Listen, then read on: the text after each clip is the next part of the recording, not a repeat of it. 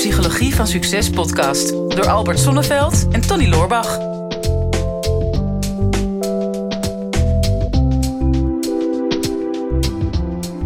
Albert, ik heb een dilemma. Echt waar? Jou. Eentje maar? Jouw advies? Ja, nou, eentje waar ik me bewust van ben. Ja. En dan komen er vast wel een paar naar voren in deze podcast. Ja, roept u maar. Ik had laatst, ehm, ik was laatst gaan bowlen Ja. een avond. Dat moet je ook niet doen op jouw leeftijd. Nee, maar ik Er is allemaal. toch geen bal aan. Ja, nee, was, was heel leuk. Ja, oké. En eh, gewonnen, even voor de record. Ja, tuurlijk. Ehm, maar Was je alleen? nee, Oké. Was maar de vraag. wauw. Nou ja, nee eh, ik was op de bowlingbaan met, eh, met mijn vriendin. En naast Ja. ons was een groepje eh, gasten aan het bowlen. Hmm. Eh, en die waren eh, lekker, lekker aan het drinken. Die waren echt, echt stomdronken. Ja. En ja, wij niet. Wij waren gewoon nuchter. Dus ik voelde me ook echt, echt even niet meer, zo, niet meer zo jong. Maar dat was een heel, heel ander dilemma. Alleen denk ik, ja, wij zijn gewoon lekker rustig aan het bowlen. En bij hun was het natuurlijk gewoon zuipen, ja. schreeuwen, mensen tot last zijn. Maar ook hoe zij met die baan omgingen. Op een gegeven moment had een jongen had echt een bal op zijn schouder. En dan rende hij mee. En die bal zo heel hard op de baan. En ik stond ernaar te kijken en denk, ja, ik zit me hier nou echt al een half uur aan te ergeren. Hmm. En nu gaat het eigenlijk een beetje een grens over hoe jij die, die bal op die baan gooit. Je bent nou echt gewoon moedwillig die baan kapot aan het maken. Ja. Dacht, ga ik hier nou iets van zeggen Ja. of niet? Ik heb het uiteindelijk niet gedaan. Maar Nee. wat vind jij in zo'n situatie? Moet je daar dan iets van zeggen? Ja.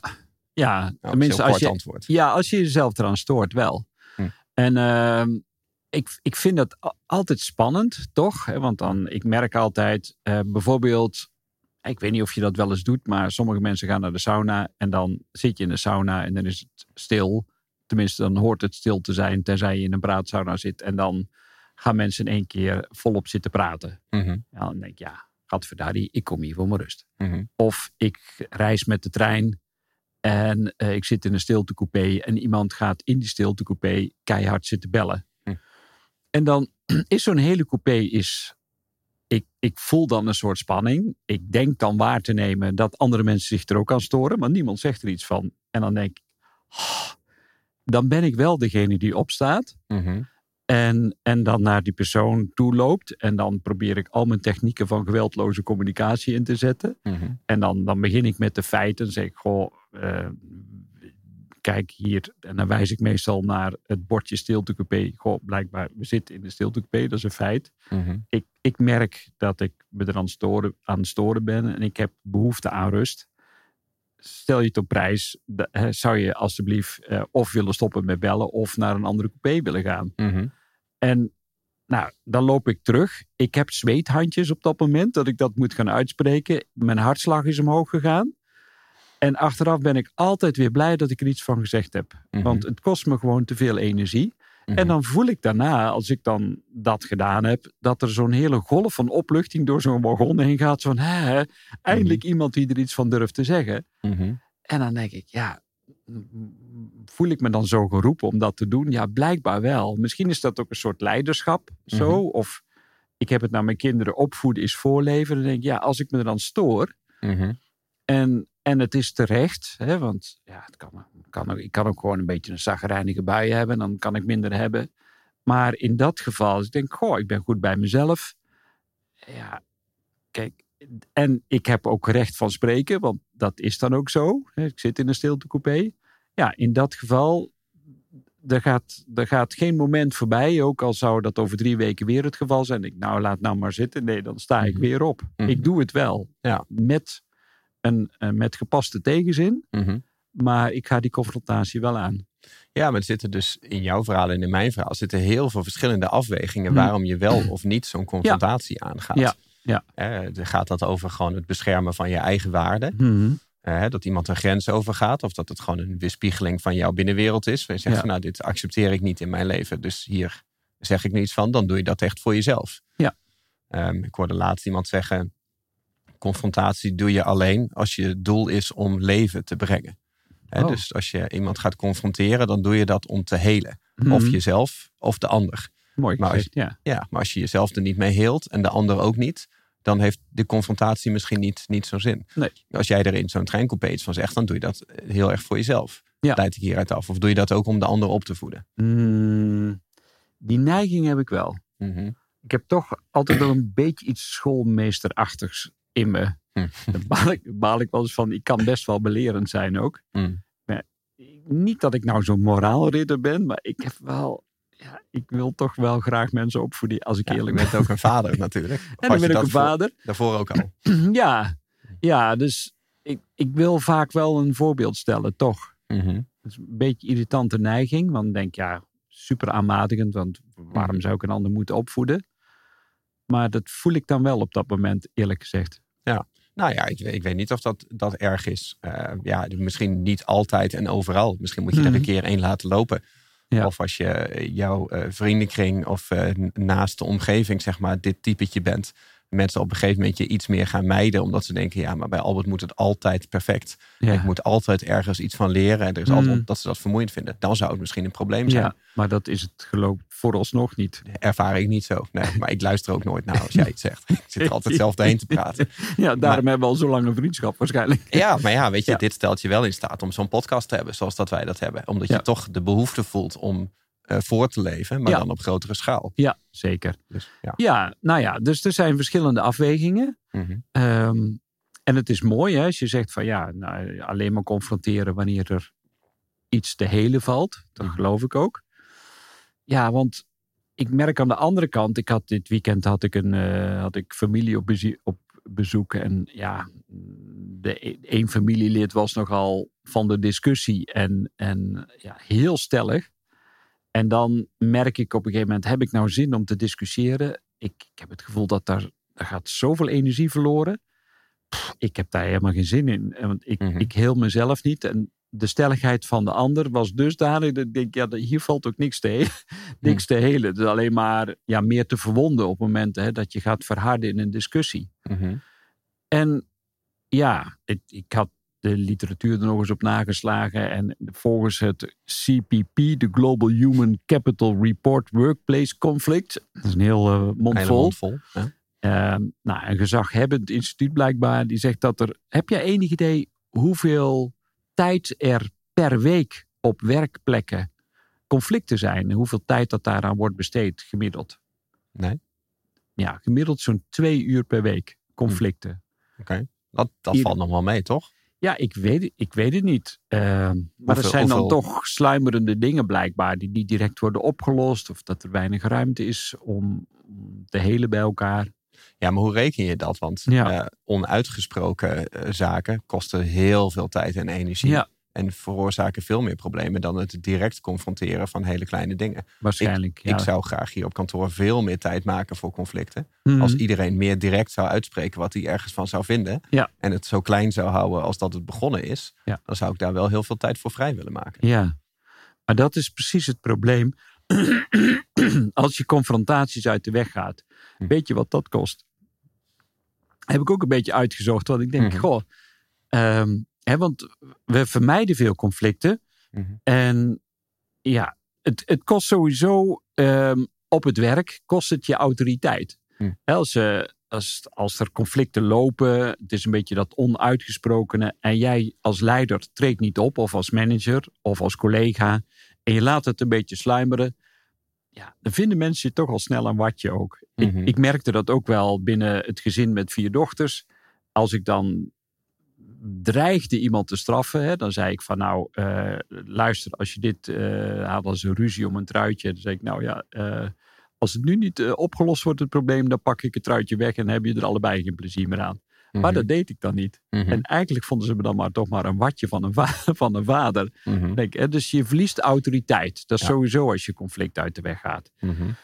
Je verliest ook tijd. Hè, want je bent, als er een conflict is en het is niet opgelost, blijf je daar constant toch over malen, over piekeren. Mhm. En met een beetje pech lig je er s'nachts ook nog van wakker. Ja. Dus ehm, naast dat het je autoriteit kost, kost het je ook nog heel veel tijd om daarmee bezig te zijn. Mhm. Het kost vaak relaties ook. Mhm. Hè, want ja, je leert elkaar juist beter kennen op het moment dat je conflicten aangaat. Hè, we hebben het in een vorige podcast al over gehad. Als je jezelf duidelijker uitspreekt, ja, dan kan een relatie zich juist verdiepen. Mhm. En eh, misschien juist wel aantrekkelijker maken als je duidelijk voor je mening uitkomt. Maar Mhm. als je dat niet doet of je houdt het op de oppervlakte.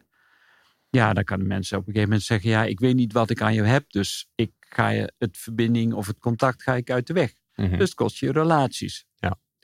Dat niet alleen. We zijn er niet. Conflicten kosten ook nog groei. Hè? Want ehm, juist als je conflicten eh, aangaat en confrontaties, ja, dan leer je, dan ontwikkel je jezelf, je gaat uit je comfortzone en 9 van de 10 keer groei je dan ook. Mhm. Maar ja, als je het niet doet, kost het je groei. En dan, misschien nog wel het allerergste, en dat is mijn ervaring ook in mijn vak. Als je conflicten uit de weg gaat, kost het je gezondheid. Ja. Want ehm, ja, wat ik altijd zeg, als je je boosheid of je angst of je verdriet niet uit, en dan krijg je een soort emotionele hypotheek op je lichaam waar je geen rente van aflost. Ja. En het, het geeft een enorme hoeveelheid stress als je iets bij je blijft dragen, terwijl je er ondertussen eh, enorm over loopt op te winden en op te vreten. Ja, ik heb dat, eh, we hebben dat eerder in een podcast even kort aangestipt. Maar ik denk dat het misschien wel de moeite waard is om te herhalen. Omdat het best wel een mooi voorbeeld is, denk ik, waar alles in zat. Dat, ehm, ik heb die neiging in het verleden heel veel gehad om de belangrijke confrontaties in mijn leven eh, gewoon uit de weg te gaan. Hmm. Om heel erg eh, mensen de hand boven het hoofd te houden. Of dingen met de mantel de liefde te bedekken. Ehm daar zit een, de- een, een kracht in. Hè? Dus ik, ik ben een bruggenbouwer. Ik eh, kan heel politiek zijn. Ik kan iedereen in zijn waarde laten. Ik kan een cultuur bouwen. Maar Ja. het echte confronteren op de moeilijkere dingen, dat, dat, is, dat is wel een thema voor mij geweest. Hmm. En als je daar niet mee dealt, dan worden die dingen op een gegeven moment in je leven steeds groter. Ik had er vorig jaar heel erg last van dat ik een, een aantal mensen die belangrijk waren in mijn leven, ook strategisch waren in mijn business, heel erg de hand boven het hoofd hield. Ja. En dat ik die niet confronteerde met wat ik ergens daadwerkelijk van vond. En daardoor werd het onderliggende probleem steeds groter. Eh, en ik had er ook fysieke weerslag van. Maar ik had die twee niet aan elkaar gelinkt. Dus ik liep op een gegeven moment maanden rond met eh, maagzuur. Hmm. Tot ik op een gegeven moment dat, dat een keer aan jou heb gevraagd. Van oké, wat, moet, wat moeten we hiermee? Hoe kom ik van mijn maagzuur af? En jij bent er natuurlijk toe gaan zoeken naar van hè, wat probeert je lichaam je nu te vertellen? Ja, En daar zat een hele mooie analogie in, wat eigenlijk alles wel eh, behandelt. Hè? Dat je zei in eerste instantie, als je naar mensen kijkt, eh, mensen hebben maar één natuurlijk wapen. Hmm. Hè, We hebben geen klauwen of, of, of wat dan ook. We hebben alleen onze tanden. Dat is je enige natuurlijke wapen waar je mee geboren bent. Om eh, van je af te bijten als mens. Ja. als mens. Maar ook wel om dat wat je lichaam inkomt, alles wat lichaamsvreemd is, om daar je dat in eerste instantie eigen te maken. En dat Ja. begint al door erop te kauwen.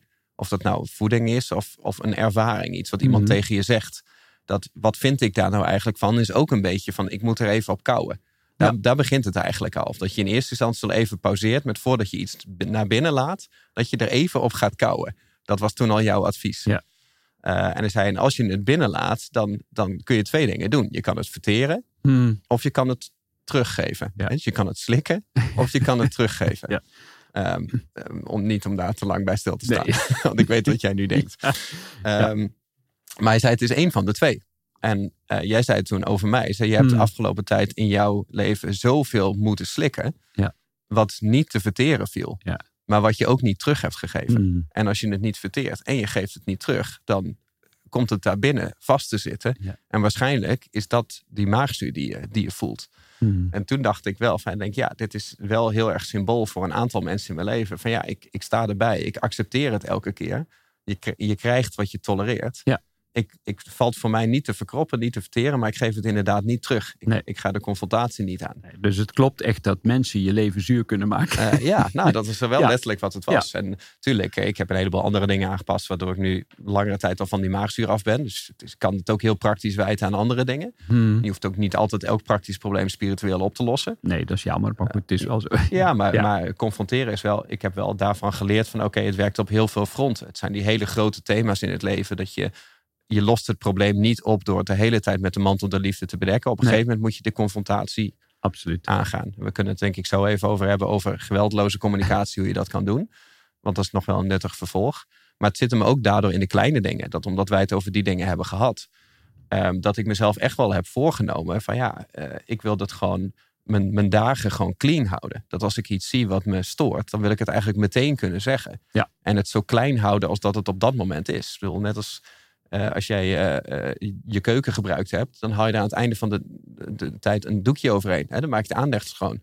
Aanrecht schoon is een hele rare analogie. Maar ik dacht, dat zijn hele normale dingen in ons leven. Van als je iets gebruikt hebt, dan aan het einde van de dag maak je alles weer netjes en weer klaar voor de volgende keer. Dat moet je met je brein eigenlijk ook doen. Ja. Hè, dus als jij iets hebt meegemaakt wat je stoort. En je ruimt dat niet op door het niet uit te spreken. Ja, dan neem je het met je mee naar de volgende dag. En dan blijft het maar opbouwen. Stapelen. Ja, en, dan op een gegeven moment gaat het dan fysieke klachten geven. En het is vaak ook compounding interest. Hè? Dus Ja. ehm, iets wat heel klein begint, bouwt op, wordt een patroon. En uiteindelijk zul je gewoon merken dat, ja, dan ben je in één keer, schop je de hond als je thuis komt, of tegen de vuilnisbak, of je valt uit tegen je kinderen. Mhm, En je denkt, oh, dat wil ik helemaal niet, want dat zijn de mensen die het meest dierbaar zijn. mhm. Maar dan merk je gewoon, ja, ik heb te veel irritatie opgebouwd. En dat ga ik dan op die manier ontladen. eh, terwijl het daar helemaal niet thuis hoort. Mhm. Eh, dus alleen daarom al is het van levensbelang. Niet alleen voor duurzame relaties. Maar vooral voor jezelf, de relatie die je hebt met jezelf. Om al in een heel vroeg stadium de kleine irritaties en de kleine confrontaties serieus te nemen. Ja. Ehm, hoe moeilijk soms ook. Ook al herken je ze maar amper. Denk, oh, laat maar zitten, zo erg is dat niet.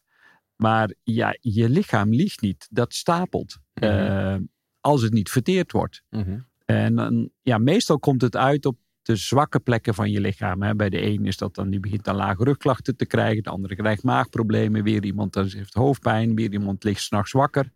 eh, begint nagel te bijten, whatever. Hè, want dat is dan ook nog een manier om je agressie eh, kwijt te kunnen via je tanden. Of tanden te knarsen. Dan lig je Mhm. bij je tandarts en dan krijg je een nachtbeugel, bij Mhm. wijze van spreken. Maar ja, 9 van de 10 keer is dat symptoombestrijding. Eh, en, en ja, kijk de realiteit aan. Kom hem onder ogen. Zeg van ja, blijkbaar ben ik me aan het storen. En vind ik het heel spannend om te confronteren. Mhm. En eh, ja, wrijven helpt niet. Rennen is ook niet. Gewoon echt volle bak erin. Met Ja. gestrekte benen. Ja, zeker. Nou ja, dat, dat, daar ben jij natuurlijk. Hè, je haalt dat heel vaak aan, geweldloze communicatie. Ja. Eh, wat, je, wat je nu aangeeft, ja, hè, met gestrekt been erin. Of eh, dan maar vol de confrontatie aangaan. Hmm. Dat is natuurlijk hoeveel heel veel mensen het beleven. Wat ook de reden is dat we niet durven te confronteren. Omdat eh, confronteren ook vaak meteen conflict in ons Ja. hoofd is. En, Ja. eh, en ruzie. Ik denk, ja, de confrontatie is onvermijdelijk in het leven. Mhm. Maar eh, vechten is optioneel. Ja. Die twee hoeven niet altijd hand in hand te gaan. Nee, nee, nee, zeker niet. En sterker nog, hè, wat ik, de vraag die ik vaak stel aan mensen, dat zou ook een bekrachtigende vraag kunnen zijn: van hoe kan ik confronteren met behoud van de relatie? Mhm. En dat is vaak wat je wilt, toch? Dat je wel duidelijk aangeeft wat je stoort, of waar je moeite mee hebt, of wat je behoefte is. Met maar één doel om de relatie te verdiepen, of te verbreden, of te verstevigen. Mhm. Ehm, zeker als, als de relatie je veel brengt. Mhm. Eh, juist de mensen die veel betekenen in je leven, ja, daar wil je ook echt een relatie mee opbouwen. Maar dan ontkom je niet aan confrontatie aan toetsing. Of aan vergelijken van bepaalde waarden die jij hebt ten opzichte van de ander. Mhm. Ehm, ja, dat maakt het leven alleen maar super boeiend. Ja. Maar dan, ja, dan moet je wel op onderzoek. En bij dat onderzoek kan het af en toe een beetje schuren. Leid ons eens door die stappen heen. Die, eh, want je hebt het een aantal keren aan mij uitgelegd. Ik Ja. ben het vervolgens gaan toepassen. En ik ben het nu aan iedereen in mijn omgeving aan het uitleggen. Hoe Ja. ze geweldloze communicatie kunnen leren. Ja. Iedereen heeft er baat bij. Ja. Maar kunnen beter, om het echt goed uit te leggen, terug naar de bron gaan. Hoe jij, hoe jij het uit zou leggen. Nou ja, de bron, de bron is Marshall Rosenberg. En ik heb het geluk dat ik eh, les van heb, hem mogen hebben ook. Hij is onder andere op de Erasmus Universiteit geweest in eh, Rotterdam. Ehm, bijzonder mooie man. Ja, boek Geweldloze Communicatie. Hij is een aantal jaren geleden is hij overleden. Maar hij heeft een prachtige legacy, vind ik zelf. Hmm. Met een aantal hele duidelijke stappen die hij heeft ontwikkeld. Waar hij later ook eh, bij allerlei landen, conflictgebieden eh, dat heeft toegepast. Of in allerlei wijken van grote steden waar problemen waren. En ja, ik, het makkelijkste is als ik dat aan de hand van een voorbeeld, pak ik altijd maar weer mijn Mhm. situatie thuis erbij, eh, ho- hoe je dat met geweldloze communicatie kunt oplossen. Nou, het, ehm, even de situatie. Hè, toen alle dochters nog thuis waren Mhm. en eh, we hadden een groot huis, dat weet je. Ieder kind had een eigen slaapkamer. Maar Dat is wel heel wat. die slaapkamer, ja, ja, ja, nee, maar goed. Hè, die- dat geluk hadden ze. En in de puberteit, al die meiden, ja, die maakten een enorme puinhoop van hun kamer. Hè, Mhm. dat, dat doen kinderen nou eenmaal. Tenminste, de meeste kinderen. Ik het niet hoor.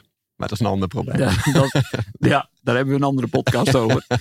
Maar, ehm, nou ja, dus ik, ik, ik doe zo'n kamerdeur, slaapkamerdeur open. En het lijkt alsof de boel er helemaal ontploft is. Hè. De, de, schoolboeken die liggen over de vloer. De string hangt in de lamp. het, is, het is echt gewoon, er ligt nog eh, vuile was. eh, het, bed is overhoop gehaald. Kortom, je hebt daar een beeld bij. Grote puinhoop. Nou, de eerste stap bij geweldloze communicatie is: wat zijn de feiten? Mhm. Nou, wat zijn de feiten, Tony? Ja, wat jij net beschrijft, wat je ziet. Ja, Wat, wat op een plek ligt waar het niet hoort. ja dus, dus heel letterlijk. Hm. 9 van de 10 mensen hebben de neiging om dan gelijk in een oordeel te schieten. Mhm. eh, bij, het, bij het feit van ja, het is een puinhoop. Of Mhm. eh, wat eh, respectloze bende is het hier. Mhm. Of jongen, jongen, kun je nou nooit eens je troep opruimen. Oh, oh. Dan ga je al in de, in de fout. Hou het super, super, super feitelijk. Hè? De schoolboeken die liggen op de grond. Die normaal gesproken in de, in de rugzak Mhm. horen. De string die zou in de wasmand moeten horen. Die hangt nu op dit moment in de lamp. Mhm. Eh, en het bed is niet opgemaakt. Dus Mhm. hou het heel feitelijk. dat Dus is de eerste een stap. feitelijke constatering in elke situatie van dit Ja. is wat ik gezien heb. Ja, ja. Ja. En daar kun je geen spel tussen krijgen. Bijna als een soort procesverbaal. Mhm. Nou. Oké, het gaat heel goed. Dit. Dus Stap 1 nog maar. Ja. Stap 1 is maak een proces verbaal. ja. Stap 2 is ehm, benoem je gevoel. Wat zou nou mijn gevoel zijn, Tony, op het moment dat ik die deur open doe en ik zie eh, die kamer op die manier? Ehm, ja, jouw gevoel is, ik denk jij wordt daar onrustig van. Ja. Jij maakt je waarschijnlijk zorgen over hun toekomst. nou, nou, nou ja, ik ben licht geïrriteerd, een beetje zagrijnig, eh, pissig. Eh, misschien ook een beetje ver- verdrietig, teleurgesteld. Nou, dat zijn een aantal gevoelens die ik dan heb. En die benoem ik dan ook. Ik zeg, Hm. goh, ik, ik merk eigenlijk wel dat ik een soort van baal en dat ik geïrriteerd ben. Mhm. Ja, maar dat is wel een hele andere manier van het uitspreken. Van, hè, ik merk dat ik geïrriteerd ben. Ja. In plaats van eh, jij irriteert mij. Ja, exact. exact. Dus hou het super bij jezelf. Mhm. De derde stap, en die is voor heel veel mensen lastig, is benoem je behoefte. Mhm. Dus, dus, wat is, dus wat denk je nou dat mijn behoefte is, Tony?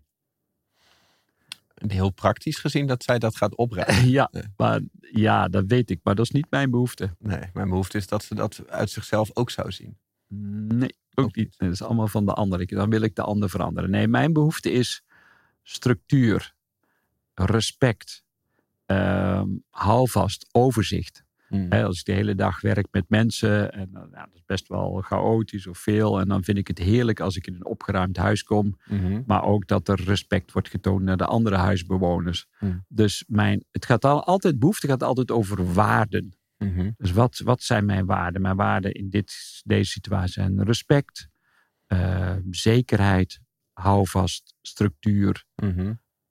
dat. Hm. Dus dat benoem ik dan ook. Zeg, oh, ik, ik heb enorm behoefte aan overzicht, dat het rustig is en dat, het, dat er respect is voor de plek en voor de mensen die er wonen. Mhm. En dan de vierde stap. Hè, dus nou ja, ik ga ze nog even snel herhalen. Dus je Mhm. begint met de feiten. Mhm. Dan benoem je je gevoel. Dan je behoefte.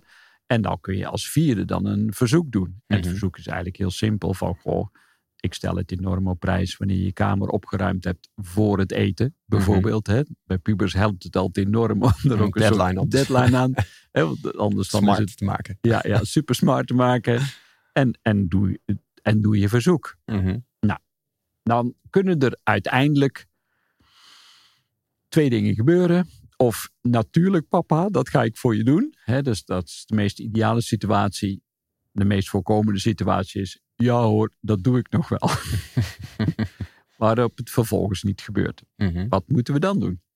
Confronteren. Nee, terug naar stap 1. Nou, proces verbaal. ja, Nou ja, dan moet je het proces- hele proces nou, verbaal maken. Ja, nou, het, het feit is dat het nog steeds niet is gebeurd. Terwijl we om kwart voor vijf hebben afgesproken dat het voor het eten zou zijn gebeurd. Dus, nou, en dan, dan worden de, de emoties en de gevoelens worden. en Ik begin te merken dat er stoom uit mijn oren komt. Ik Mhm. baal er ontzettend van. Dan ga je weer terug naar je waarden. Mhm. Hè, Het zegt van ja, het is voor mij echt super belangrijk. Nu merk ik ook dat je niet respect hebt voor de plek, maar ook niet voor mij en voor mijn rol als vader binnen dit gezin.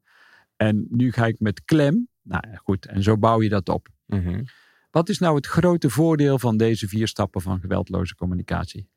Nou, dat je, dat je natuurlijk heel erg bij jezelf houdt. Ja. Hè? En dat je de ander niet aanvalt. Hè? Want, want de meeste gesprekken beginnen Hmm. natuurlijk met een confrontatie, eh, een belediging of een verwijt van jij hebt dit gedaan. Ja. Of jij had dit anders moeten doen. Ja. Of jij moet veranderen. Ja, En dan krijg je een- automatisch een verdedigingsreactie. Ja. Ja, dus een projectie, hè? jouw frustratie plak je op de ander. Mhm. Jij baalt ervan en de ander moet jouw frustratie weghalen. Ja. Maar het is allemaal jouw eigen frustratie natuurlijk. Mhm.